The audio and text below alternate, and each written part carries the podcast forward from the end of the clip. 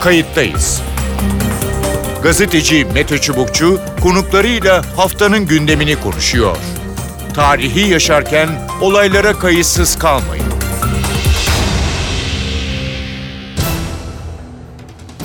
İyi günler bir kayıttayız programıyla daha karşınızdayız. Tarihe ışık tutmak ve olan biteni anlamak için önümüzdeki dakikalarda sizlerle birlikte olacağız.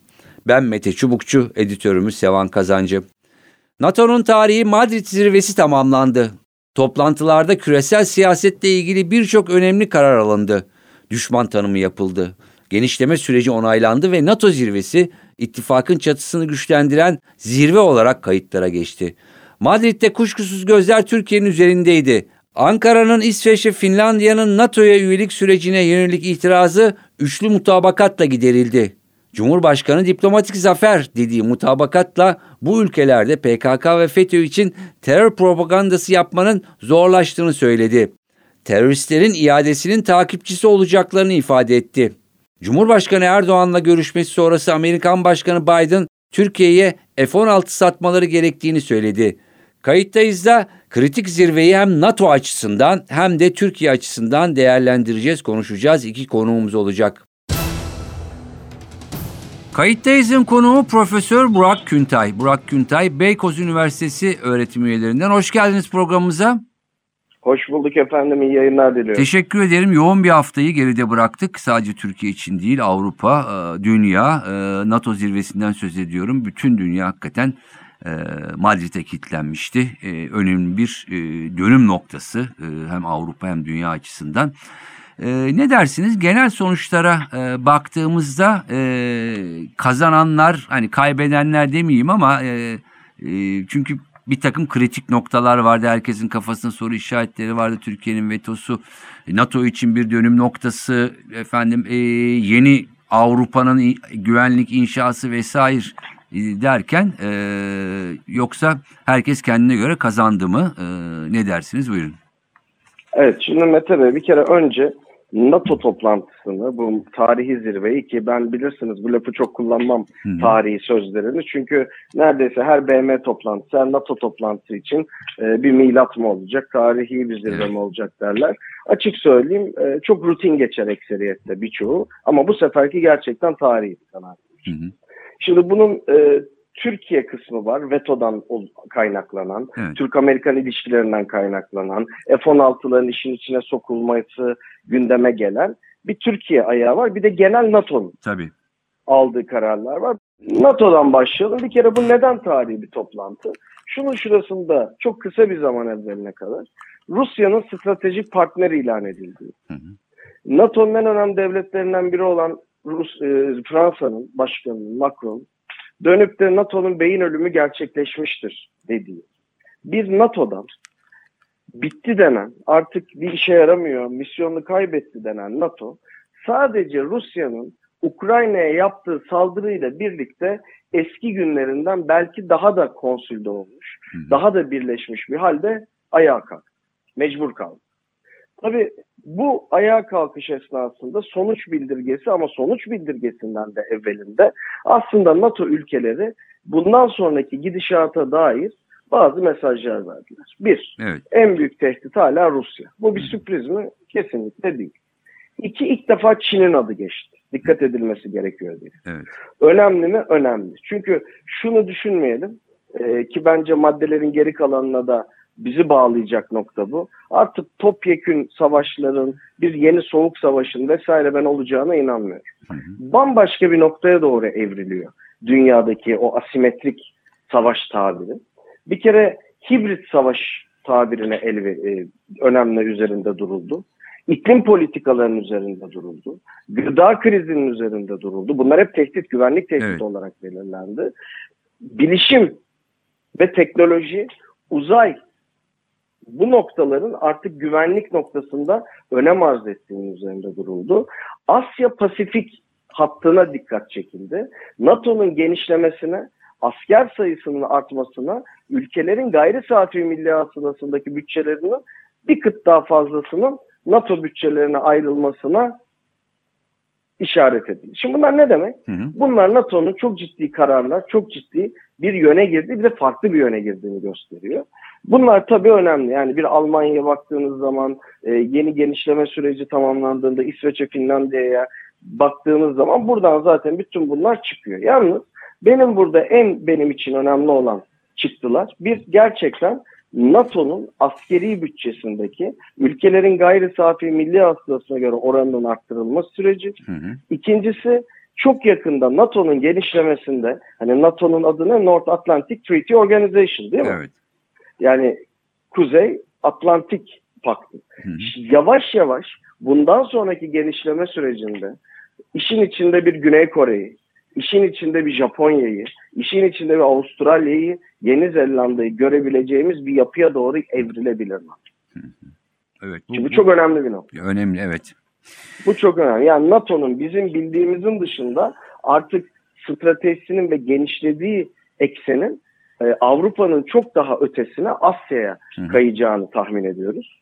İkincisi gerçekten artık topyekün savaşlar, strat- e, korunma işte kalkanları bunlar tabii devam edecek ama hibrit savaşa doğru, teknoloji savaşına doğru, ekonomik savaşa doğru, gıda güvenliği savaşına doğru, belki biyolojik savaşa doğru bu e, virüslerden kaynaklanan e, muhtemel yaşanması e, olabilecek olan rahatsızlıklara karşı yeni bir stratejiye gidiyor. Yani bu gerçekten bir dönüm noktası.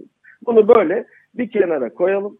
E, ama dediğim gibi bundan sonra bölge olarak NATO'ya bakarken Rusya, Ukrayna bunlar artık hep sabit zaten yaşanmış problemlerin olduğu yerler olarak kalacak ama esas ve nihai gidişatın ben Asya civarına doğru bu işin yoğunlaşacağını Hı düşünüyorum. Bu zirvenin hemen akabinde olmasa da bir müddet sonra. Evet.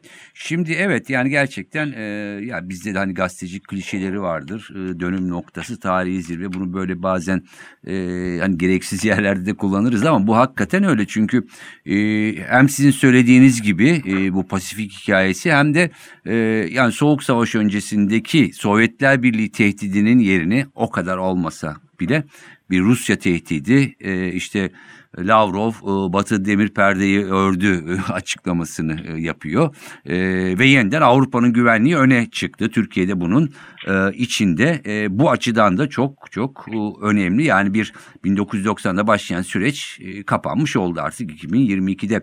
E, Türkiye burada e, ki ittifakın çok önemli bir üyesi e, askeri açıdan hem de e, konum açısından e, kritik bir rol oynadı. Çünkü genişlemede eğer İsveç ve Finlandiya'nın e, davet edilmesi e, burada yer almasaydı NATO için, e, Amerika için de ciddi bir prestij kaybı olacaktı. Bu kriz aşıldı e, ve Türkiye'nin de şartları vardı. İsterseniz buradan devam edelim. Buyurun.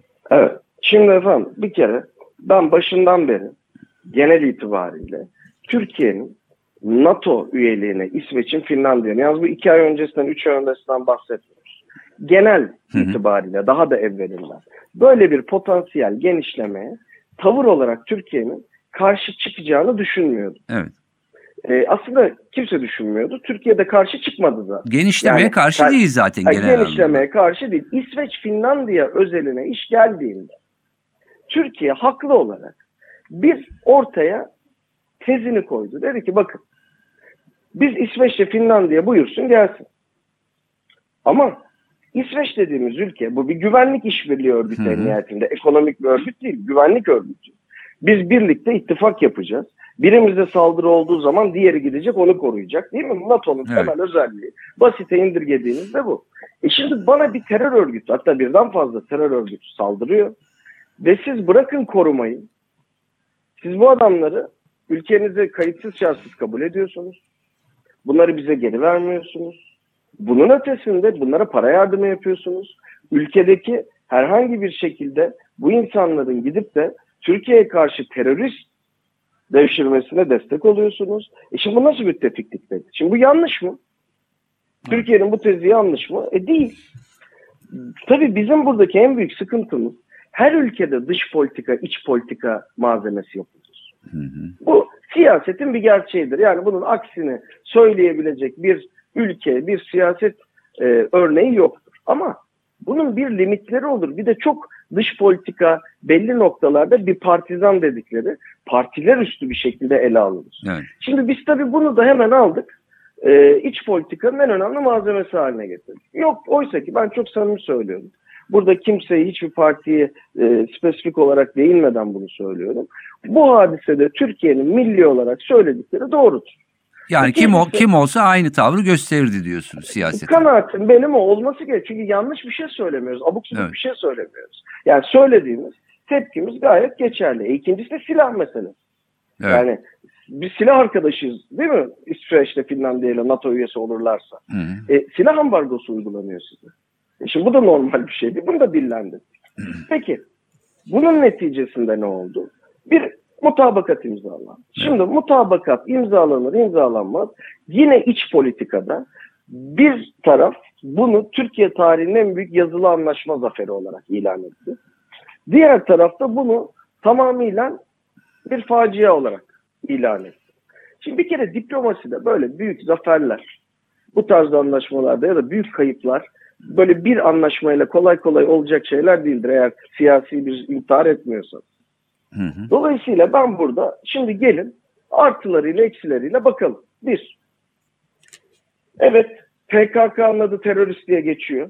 YPG, PYD ve FETÖ'nün adı terörist diye bildirgede geçmiyor. Ama örgüt ol yani sonuçta şey olarak geçiyor ya örgüt Tamam. olarak geçiyor. Keşke terörist olarak geçseymiş. Ama yani isterdik bunu hepimiz bir terör örgütü olarak. Ama öyle böyle YPG, PYD'ye bugün İsveç Dışişleri Bakanı da bir mülakatında dedi ki biz terör örgütü olarak kabul etmiyoruz ama destek de vermeyeceğiz dedi. Kendileri dedi. E şimdi bu benim için bir başarıdır şahsen. Evet. Bu müsbet bir şeydir. Yani bu oylamada direkt evet oyu verip bunların hiçbirine sahip olmadan bu sürecin geçmesi var. Hı hı. Çünkü hayırı nereye kadar devam ettirebilirsiniz? Bir de onu düşünelim. Yani öyle de bir algı çıkıyor ki hayır verelim bunlar olana kadar. Hiçbir hukuki müeyyide kesinlikle ve kesinlikle sizin vereceğiniz hayır ya da şöyle diyelim bunu garanti altına alamaz. Böyle bir şey yok.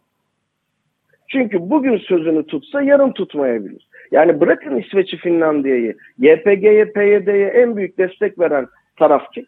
Şöyle bir bakalım. E, En yakın müttefikimiz olması gereken NATO'nun bütçesinin en önemli kısmını ayıran ülkeler değil mi? E, dolayısıyla Hı hı. Bu hadisede bu işte söz tutulacak mı tutulmayacak mı benim şahsi fikrimi soruyorsanız bir verilen sözler büyük ölçüde tutulmaz. İkincisi yeni çıkan mevzularda da e, öyle NATO üyesi olduktan sonra bugünkü hassasiyet gösterilmez. Niye? Çünkü 100 bine yakın bir nüfus var orada. Evet. Bu konulardan terörden dolayı iltica etmiş İsveç'e. E, oradaki siyasetçiler onlara hoş görünmek için çok ciddi bir şekilde kararlarını o doğrultuda alacaklar. Bu da onlar açısından normal. Ama bu böyle e, eleştirilecek bir durum mu? Bence değil. Tekrar söylüyorum. Evet. YPG'nin, PYD'nin ve FETÖ'nün adını yanılmıyorsam bu noktada NATO gibi bir güvenlik örgütünde terör örgütü yani tamam terör örgütü yazmıyor olabilir ama herkes olayın ne olduğunu farkında. Herkes de bunu konuşuyor, herkes de bunu söylüyor. Türkiye tavrını ortaya koydu ve bu örgütlerin bir arada anılmasını sağladı. Ben bunu başarı olarak görüyorum. Peki. Ee, süremizi tamamladık. Ee, daha başka programda daha farklı boyutlarını da e, ele almayı umut ediyorum. Çok teşekkür ediyorum programımıza katıldığınız için e, ve yaklaşım ve görüşünüz için. Profesör Doktor e. Burak Küntay, Beykoz Üniversitesi öğretim üyesi Kayıttayız'ın konuğuydu. Kayıttayız'ın konuğu doçent Helin Sarı Ertem. Helin Sarı Ertem İstanbul Medeniyet Üniversitesi öğretim üyelerinden. Hoş geldiniz programımıza. Hoş bulduk, merhabalar. Ee, son günlerde çok yoğunlaştığımız e, NATO zirvesini konuşacağız. E, hem orada neler olup bitti hem Türkiye açısından e, ki e, so, şeyi analizi yapmaya çalışacağız.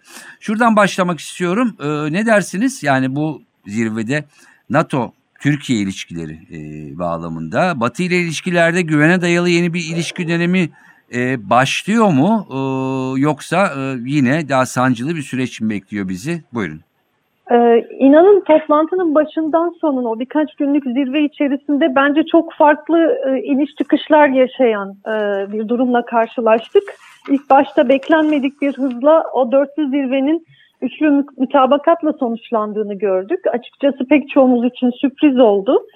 Ee, hızlı ve çok olumlu bir havada oldu. Bir taraftan Türkiye'nin ben de altını çizmek isterim ki evet yasal anlamda e, FETÖ'yü ya da bir takım diğer e, terör örgütlerini kağıt üzerinde hukuki anlamda bağlayıcılığı olacak şekilde belgeleştirmek, bunu Batı dünyasına kabul ettirmek birer terör örgütü olarak ve alınacak adımlar konusunda e, söz alarak elini sağlam tuttuğunu düşünüyorum. Başta bunu yaşadık.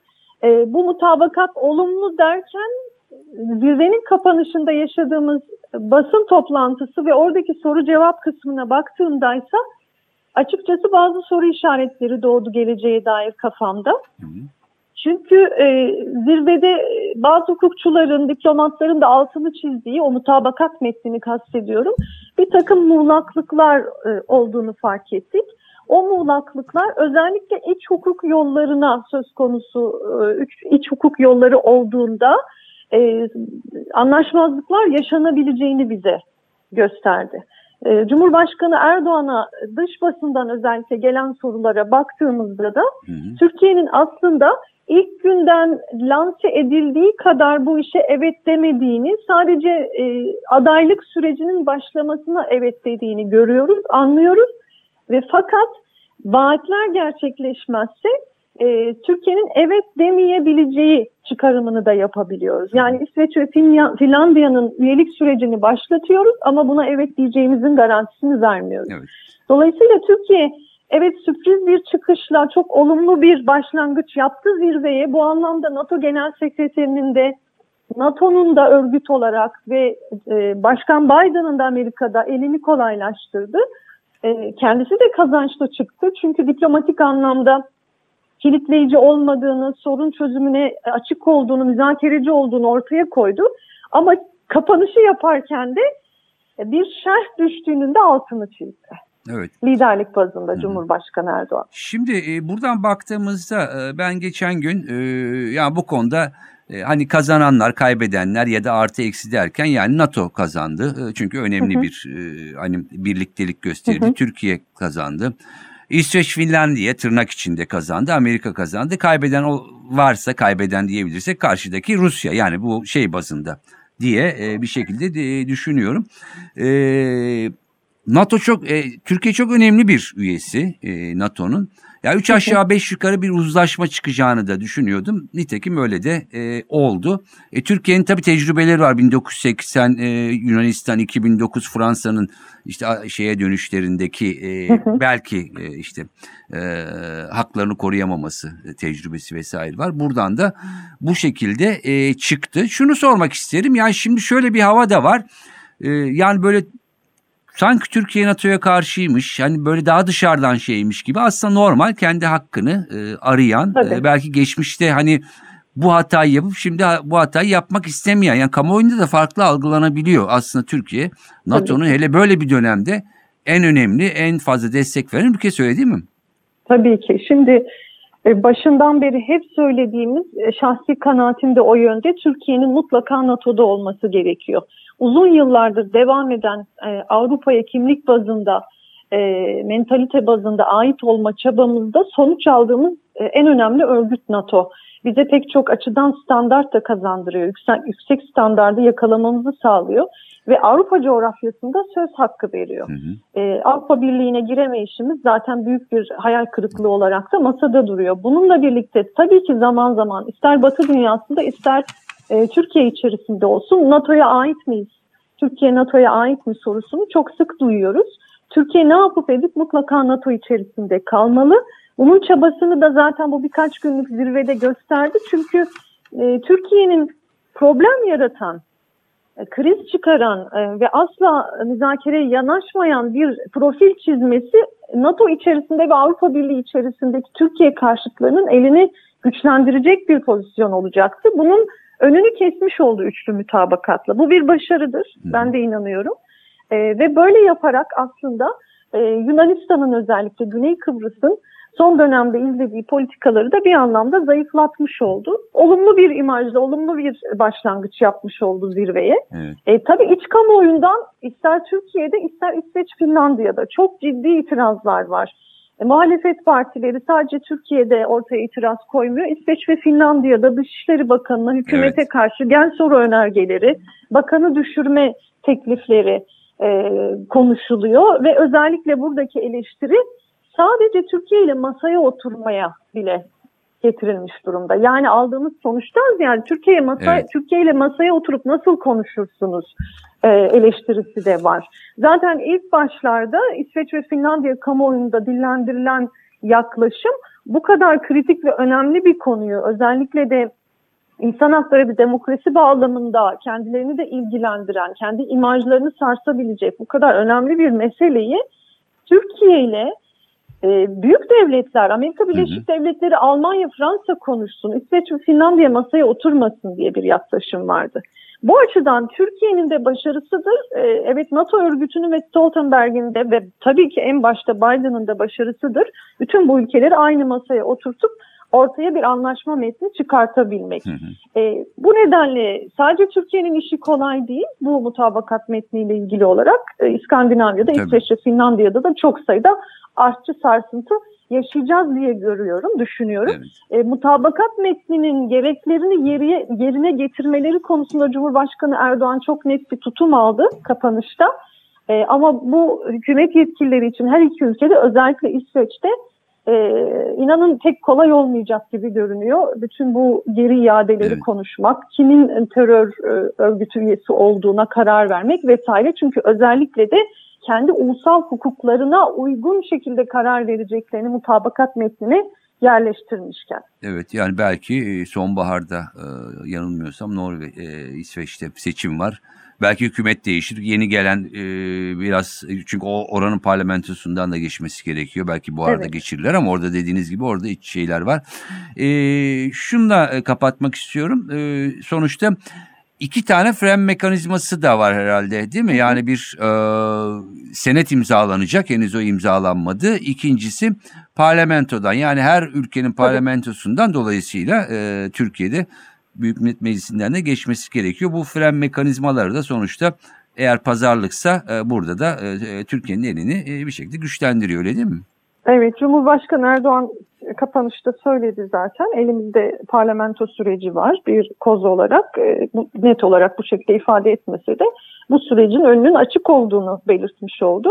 E, ülkeler eğer isterlerse kendi ulusal hukuki yollarını e, ortaya koyarak e, yavaşlatabiliyorlar süreçleri. E, bunun daha önce NATO özelinde, diğer örgütler özelinde de örnekleri var. Zannediyorum Türkiye her atılan adımı tek tek denetleyerek o mekanizmayı istediği şekilde Hı işletebilirse parlamentoyu hızlandıracak. Aksi takdirde süreç uzun sürecek Uzun gibi görünüyor. Peki e, son bir e, soru kısa da cevap yine NATO çerçevesinde ama bağlamı e, farklı. Ne dersiniz E, bundan böyle NATO e, Kuzey Atlantik ya ağırlığı Avrupa'da Rusya ilişkileri daha da gerilecek mi? Çünkü Lavrov dün e, demir perdeyi bu sefer siz çektiniz diye bir açıklama yaptı. Ee, Ben Rusya'nın elinin çok güçlü olduğunu düşünmüyorum. Rusya bir anlamda beklentisini e, düşürdü e, Hı. Ukrayna ile ilgili. Zaten zannediyorum ki başından beri de Kiev'i almak gibi bir hayalleri yoktu. Bir takım e, uyarı mahiyetinde korkutucu bombalamalar, saldırılar oldu. Düzensiz savaş örneklerini gördük Ukrayna genelinde ama aslında e, başından beri de en azından Ukrayna'nın doğusundaki de facto durumu netleştirmek hedef olabilirdi. Bu hedefe de ulaştılar. Bundan sonra durumu germek, e, gerilimi arttırmak, askeri tedbirleri arttırmak pek fayda getirmeyecektir diye düşünüyorum Rusya açısından. Suriye'de de zemin kaybetmeye başladı Rusya. Bu açıdan çok boyutlu düşünürsek farklı krizlerle de mücadele etmek zorunda olduğu için ben Ukrayna bahanesiyle daha büyük bir askeri çatışma beklemiyorum. Ama NATO e, kendi başarısını elde etti. Zayıflamış, e, iç çatırtılar yaşayan bir örgütü ne kadar sürer bilmem ama bir süreliğine daha diriltti. E, ve küresel ölçekte tehdit tanımlarıyla da e, daha geniş bir coğrafyada özellikle Çin'i hedef alır hale Hı hı. getirdi. Bu açıdan e, Biden hükümetinin ve NATO'nun başarı elde ettiğini söylememiz mümkün. Peki. Çok teşekkür ediyorum programımıza katıldığınız ve yorumlarınız için. Ben teşekkür ediyorum. Evet görüşler böyle önemli bir dönüm noktasıydı. Ee, hem Avrupa hem NATO hem Rusya Türkiye açısından çok çok önemliydi. Birincisi bu vardı. Rusya'ya karşı NATO'nun yekpare biçimde tekrardan kendi varlığını ortaya koyması. Türkiye açısından da bu genişleme sürecinde Türkiye'nin genişlemeye hayır dememesi ama İsveç ve Finlandiya'ya yönelik bir takım itirazlarını da bir mutabakat metnine koydurması ve sürecin takipçisi olması anlamında bu açıdan gerçekten Madrid zirvesi önümüzdeki yıllarda önemli bir zirve olarak da kayıtlara geçecek. Ben Mete Çubukçu editörümüz Sevan Kazancı. Haftaya kayıttayız da yeni bir programda birlikte olmak amacıyla hoşçakalın.